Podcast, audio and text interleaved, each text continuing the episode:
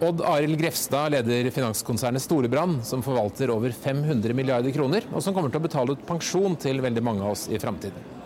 I dette intervjuet snakker han bl.a. om betydningen av bærekraft i pensjonsmarkedet, og om viktigheten av mangfold i konsernledelsen. Odd Arild Grefstad, dere Storebrand forvalter pensjonen for veldig mange av oss i Norge. En tredjedel omtrent, og i hvert fall i privat sektor. Og det er jo en spennende bransje å eie fremtiden vår. ansvar for den. Men det, blir, det, er lave renter, og det, vi blir eldre og eldre. Er det store utfordringer for dere som driver med pensjon? Ja, det er todelt. Eh, de fleste nordmenn de har jo faktisk innskuddspensjon. Der de forvalter i realiteten pengene sine selv. Har eh, egne valg rundt eh, investering av pengene. 70% av alle nordmenn, over 70% har i dag innskuddspensjonsordninger. Eh, og eh, forvaltningen av det, der er det en god miks med aksjer, obligasjoner, eiendom som gir en forventet god avkastning. Utfordringen er jo på ytelsesbaserte ordninger og i fripoliser. Der fortsatt det ligger mye penger eh, nedsyltet vil jeg si, i en forvaltningsform som er preget av de rammebetingelsene som ligger rundt det produktet.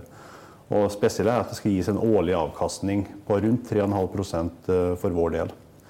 Og eh, det er klart at Jo lavere renten er, jo mer utfordrende er det å kunne sikre at man over lang tid klarer faktisk å nå disse 3,5% Vi har robuste buffere og en god situasjon for å kunne gjøre det for veldig lang tid fremover. Men eh, det gjør jo at det blir en ganske tett forvaltning, som gjør at det blir lite rom for aksjer i aktivallokeringen. Og det gir lavere pensjon for folk flest.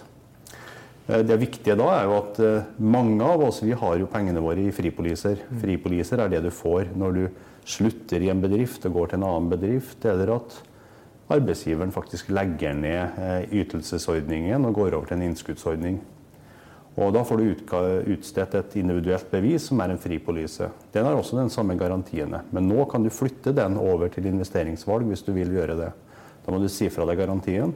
Men da har vi mulighet til å få en helt annen aktivallokering aktiv allokering med mye mer aksjer, som gjør at veldig mange av oss i hvert fall kan forvente å få en høyere pensjon eh, over tid. Så det er noe som alle bør gå inn og sjekke. Men de fleste nordmenn vil ha problemer med å følge med på alt det du sa nå, for det er så mange fremmedord og begreper og sånn. Er det en, en, av bransjens store utfordringer, dette med kommunikasjonen? Absolutt. Eh, det er jeg helt enig i at det er en av de store utfordringene. Vi eh, må bli flinkere til å bruke et enkeltspråk. Eh, vi må bli flinkere til å gjøre produktene våre enklere og til å kunne kommunisere rundt dette. Samtidig så tror jeg også at eh, det er et tankekors også hvor lite vi nordmenn spesielt kanskje får opplæring i privat økonomi. Opp gjennom skole, opp gjennom samfunnet for øvrig. Jeg var nettopp og møtte en del skoleelever for en ukes tid siden. Og begreper som eh, selvangivelse, som skattekort, som eh, faktisk renter og rentesrenter er jo ikke noe vi lærer mye om på skolen. Eh, og det er jo en utfordring at vi ikke har det med oss og har de basiskunnskapene rundt økonomi som gjør at vi kan ta, ta styring på vår egen økonomi. Er det fordi folk tenker for kortsiktig? At de ikke tenker helt frem til pensjonsalder eller neste lønning eller, eller andre ting? Altså, når det gjelder interessen for pensjon, så føler jeg at der har det skjedd mye de siste årene. Etter pensjonsreform, etter de endringene som har kommet i rammebetingelser, så er det jo faktisk slik at uh, vi gjorde en test. og det var vel etter Sex og flott, så tror jeg det var den uh, forsiden det var oftest på Dagbladet og VG. Det var pensjon. Så det sier jo noe om at interessen for pensjon og Eh, interessen for å få eh, faktisk eh, god informasjon om dette, den er virkelig til stede blant befolkningen. Men Tror du folk flest har oversikt over hva de får som pensjonist? Nei, jeg tror ikke det. Altså, jeg tror folk flest har mye bedre oversikt over hva de har på lønnskontoen sin, som er kanskje en hundrededel av verdiene i forhold til det de har på pensjonskontoer og, og fripoliser. Og så vil jeg jo si at Det er jo god mulighet for å få oversikt over det nå. Hvis man går inn på pensjonskalkulatoren f.eks. til Storbrann, så får du en oversikt over både hva du får fra folketrygden, hva du får i de ordningene du har i Storbrann totalt sett, og også faktisk gjennom koblingen i Min pensjon oversikt om hva du har hos andre leverandører. Og Da kan du få vite hva du har, og du kan også tenke litt gjennom hva trenger du når du blir pensjonist. Og får en mulighet til å starte en sparing for eventuelt å dekke det gapet mellom hva du ser du får, og hva du trenger. Når man kommer inn hos dere nå, så får man følelsen av litt sånn å komme inn i en gammeldags eh, bank. Altså det, er, det, er, et palass, det er veldig stort, det er masse mennesker. Jeg tenker litt i kontrast til den moderne økonomien hvor alt er på apper og enkelt og, og liksom veldig digitalt. Trenger man et stort selskap for å forvalte penger? Kan ikke dette gå eh, automatisk?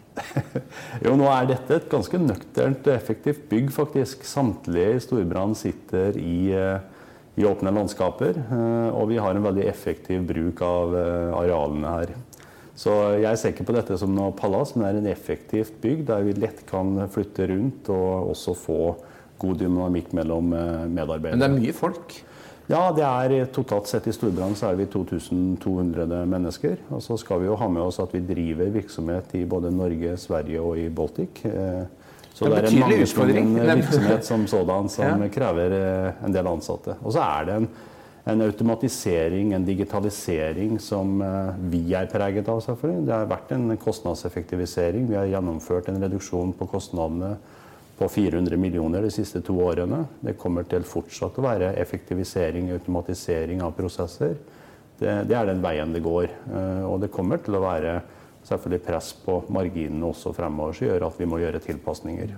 Ja, for Du har måttet eh, kutte litt i bemanning for å kutte kostnader. Hva er hemmeligheten med å gjennomføre en god nedbemanning? Ja, hemmeligheten med det, det er at man eh, kommuniserer klart og har en forståelse blant alle ansatte, tillitsvalgte, rundt behovet for å faktisk gjøre endringer. At det er et marked som endrer seg, at det er eh, endringer som er nødvendige. At man har en klar strategi ikke bare om endringen, men hvor vi skal, hva vi ønsker å oppnå med virksomheten vår.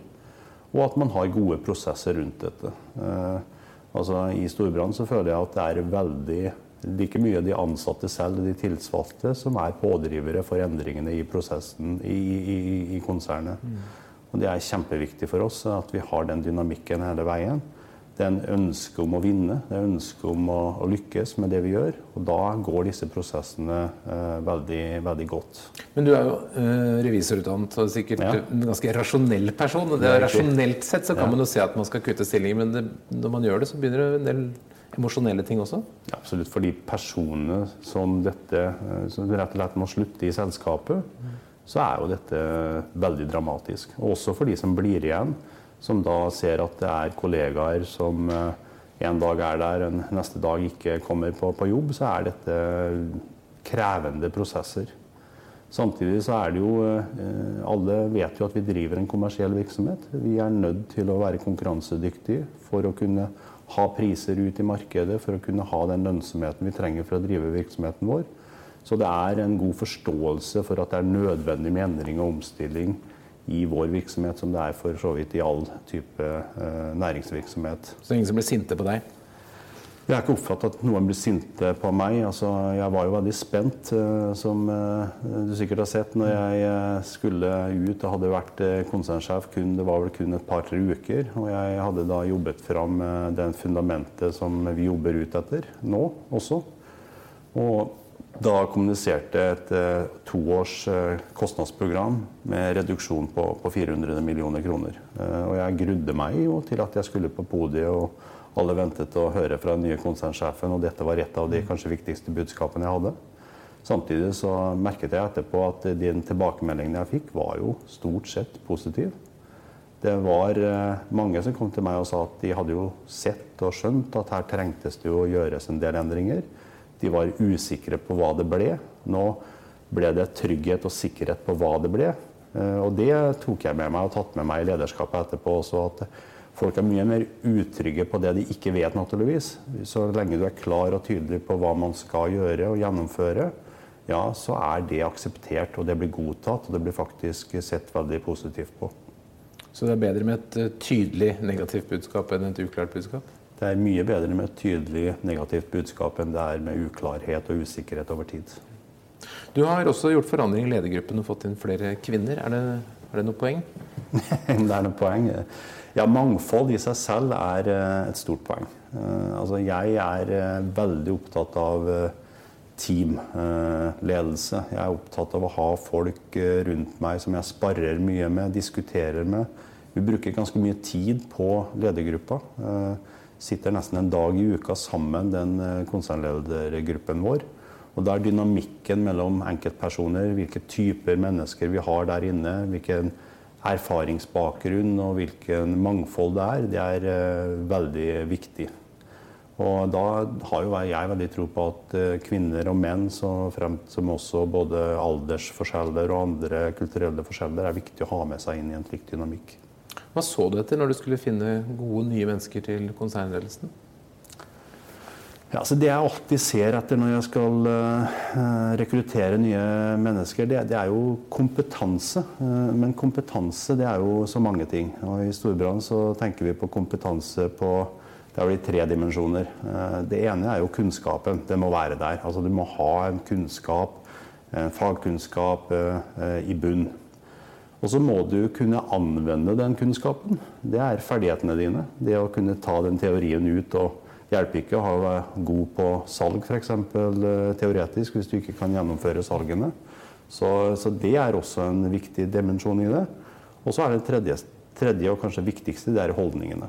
Hvordan er det du bruker kunnskapen din, erfaringene dine, til eh, eh virkelig å ha de rette holdningene i samspill med andre mennesker, ut mot kunder, ut mot den integriteten, den tilliten du skal skape blant medarbeiderne og kundene i Storbrann. Vi lever av tillit. Dette er i realiteten vi, vi tar imot penger fra folk som vi skal gi dem tilbake om 70 år. Eh, det ene viktige da er tillit eh, og omdømmet til selskapet. Men det er mange som har en oppfatning av at du skal gjøre en rask karriere her i livet, så skal man shoppe litt rundt, være tre år her og tre år der og komme seg opp og frem. Mens du virker som du er tilhenger av lange, gode forhold i, i samme bedrift? Altså, jeg har jo selv vært 20 år i Storbrann, eh, og jeg syns det har vært en fantastisk reise. Og det å være i et såpass stort selskap der man har en kultur man kan skjønne godt, eh, kan forholde seg til eh, de produktene og de kundene vi har, men samtidig kan få gjøre veldig mange forskjellige ting innenfor samme systemet, det er en veldig god måte å å vokse på. Eh, og jeg tror at det er eh, veldig viktig. Og vi ser jo stadig oftere, syns jeg også, at eh, nye toppledere blir rekruttert fra selskapet istedenfor å bli rekruttert utenfra. Mm. Men du trenger jo også selvfølgelig da impulser fra, fra utsiden, så ikke blir sånn lukket avdeling her. Hva er det som gir deg input på ledelse? Det som gir meg input på, på ledelse, det er eh, Altså, jeg, er veldig opptatt av mangfoldet. Og jeg, jeg som du sier, vi, jeg har vært opptatt av å hente nye personer inn også. For det er ikke bare interne eh, kandidater som er oppflasket med pensjon og det fagspråket som du reagerte på eh, i, i utgangspunktet her. Så det å få inn da spesielt når du er i en så stor endringsprosess som Storbrann er i, så er det utrolig viktig å få inn uh, nye impulser. Og det som vi jo spesielt gjør nå, det er jo å ta steget fra å være en tradisjonell bedrift-til-bedriftsrelasjon, som vi er gode på. 40 000 uh, bedriftsrelasjoner i Norge og i Sverige som har sin pensjonsordning gjennom Storbrann. Men eh, vi jobber jo mye med at disse 1,9 millioner ansatte og tidligere ansatte i disse 40 000 bedriftene faktisk også velger oss på bredt front som sin leverandør på privatsiden, på bank, forsikring, spareområdet. Og den retail-kompetansen som ligger i det, det trenger vi å videreutvikle. Eh, vi har en god del av det, men jeg har jo hentet inn folk med retail-kompetanse både fra flyindustri, altså fra SAS, fra Orkla, fra Telenor og fra områder som kanskje ikke er nødvendigvis så tett knyttet til pensjon og finans eh, som sådan. Jeg tror den der retail-kompetansen som ligger i dagligvare og på andre områder, er kjempeviktig å ha med oss for å skjønne det området godt. Men dette er et stort område med, med mye penger og store fortjenestemuligheter. Kan vi tenke oss at det kommer helt andre typer aktører inn i bransjen? Kan det være at vi kjøper Rema pensjon eller Google pensjon eller Apple pensjon i fremtiden?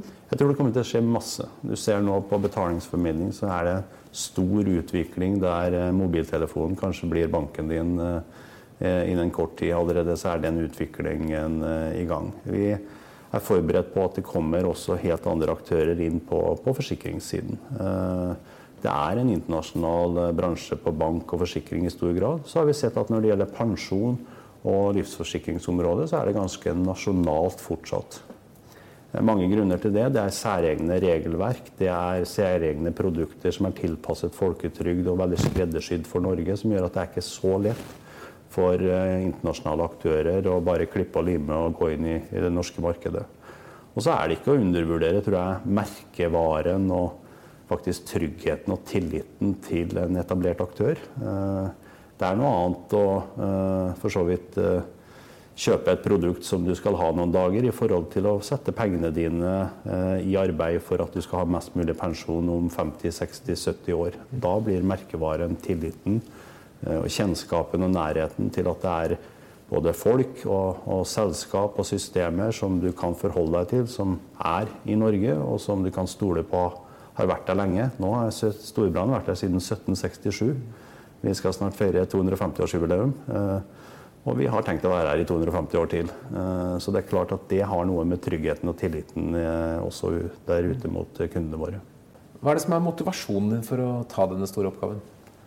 Jeg syns det er fantastisk motiverende å jobbe i Storbrann. Det er grunnen til at jeg har vært der i over 20 år. Det er at jeg syns det gir veldig mening å jobbe med de tingene vi gjør.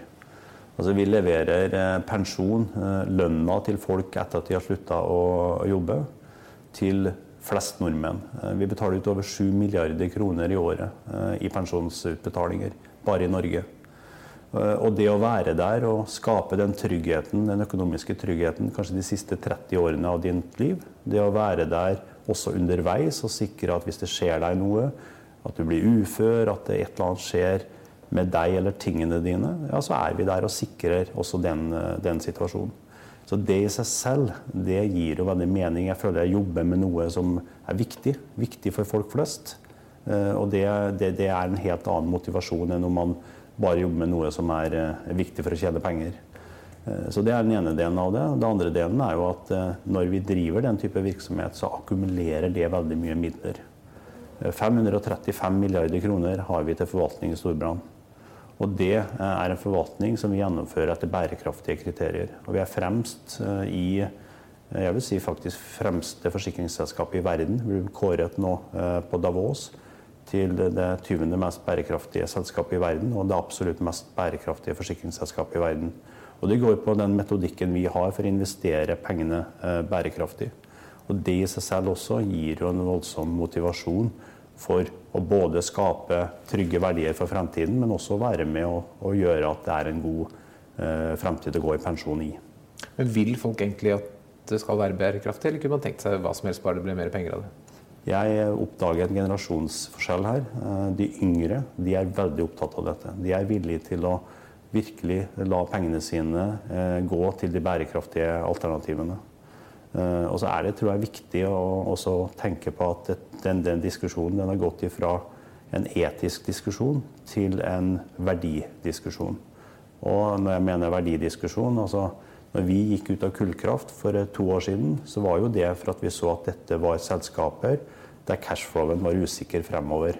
Og det å være tidlig ut av den type selskaper, gjøre de analysene i stedet for å sitte og vente på at selskapene blir null verd, det er i seg selv en god økonomisk beslutning. Så det har med risikostyring dette. Det har med faktisk å ta de, de riktige valgene.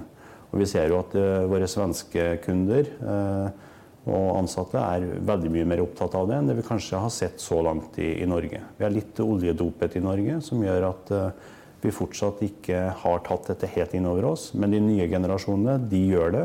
Og jeg er helt sikker på at fremover så blir dette en av de viktigste kriteriene for hvordan vi skal investere pengene våre uh, til uh, pensjon. Hvis du får en nyansatt inn døren her nå da, som ønsker å gjøre karriere i Storbrann, hvilke råd vil du gi? Ja, altså Rådene er jo å være til stede der du er. hvis Jeg tenker, jeg må jo bruke meg selv som eksempel og hvordan veien har vært for meg. jeg var absolutt ikke noe født leder, føler jeg. Jeg var aldri noen elevrådsformann, som jeg har inntrykk av at veldig mange har vært opp igjennom. Men jeg var veldig tidlig klar over at jeg måtte jobbe hardt. Jeg måtte jobbe på skole, måtte jobbe når jeg kom i jobb, ønsket å levere godt på de, de, jobbene jeg var på. Uten å tenke på at nødvendigvis det skulle være noe springbrett til noe annet. Motivasjonen var å gjøre en god jobb og, og jobbe hardt der jeg var. Og jeg tror det er det nesten det beste rådet til unge i dag også. Eh, vær til stede der du er, gjør en god jobb, gjør mer enn det som forventes av deg ja, så blir man i hvert fall i et system som Storbrann lagt merke til. Da får man nye utfordringer. Ta de utfordringene. Og sørge for å levere igjen like godt på de nye utfordringene og mulighetene man får. Men nå var det en leder som var ute tidligere i år og sa at uh, norske arbeidstakere gidder ikke jobbe, de bare stikker på hytta. og Det er ikke noe kraft i arbeidslivet. Er det din opplevelse òg? Nei, altså jeg har ikke den opplevelsen. Jeg har, uh, altså, vi har fått inn mange unge mennesker over de siste årene. og hver gang jeg er med og intervjuer, har vært i trainee-programmet som, som, vi hadde, men for øvrig ellers også. Når jeg går gjennom bunken av de søknadene og ser hvilke både skoler man har gått på, hvilke karakterer man har, hvilke verv man har hatt ved siden av, så tenker jeg hver gang jøye meg, jeg er glad jeg har jobb.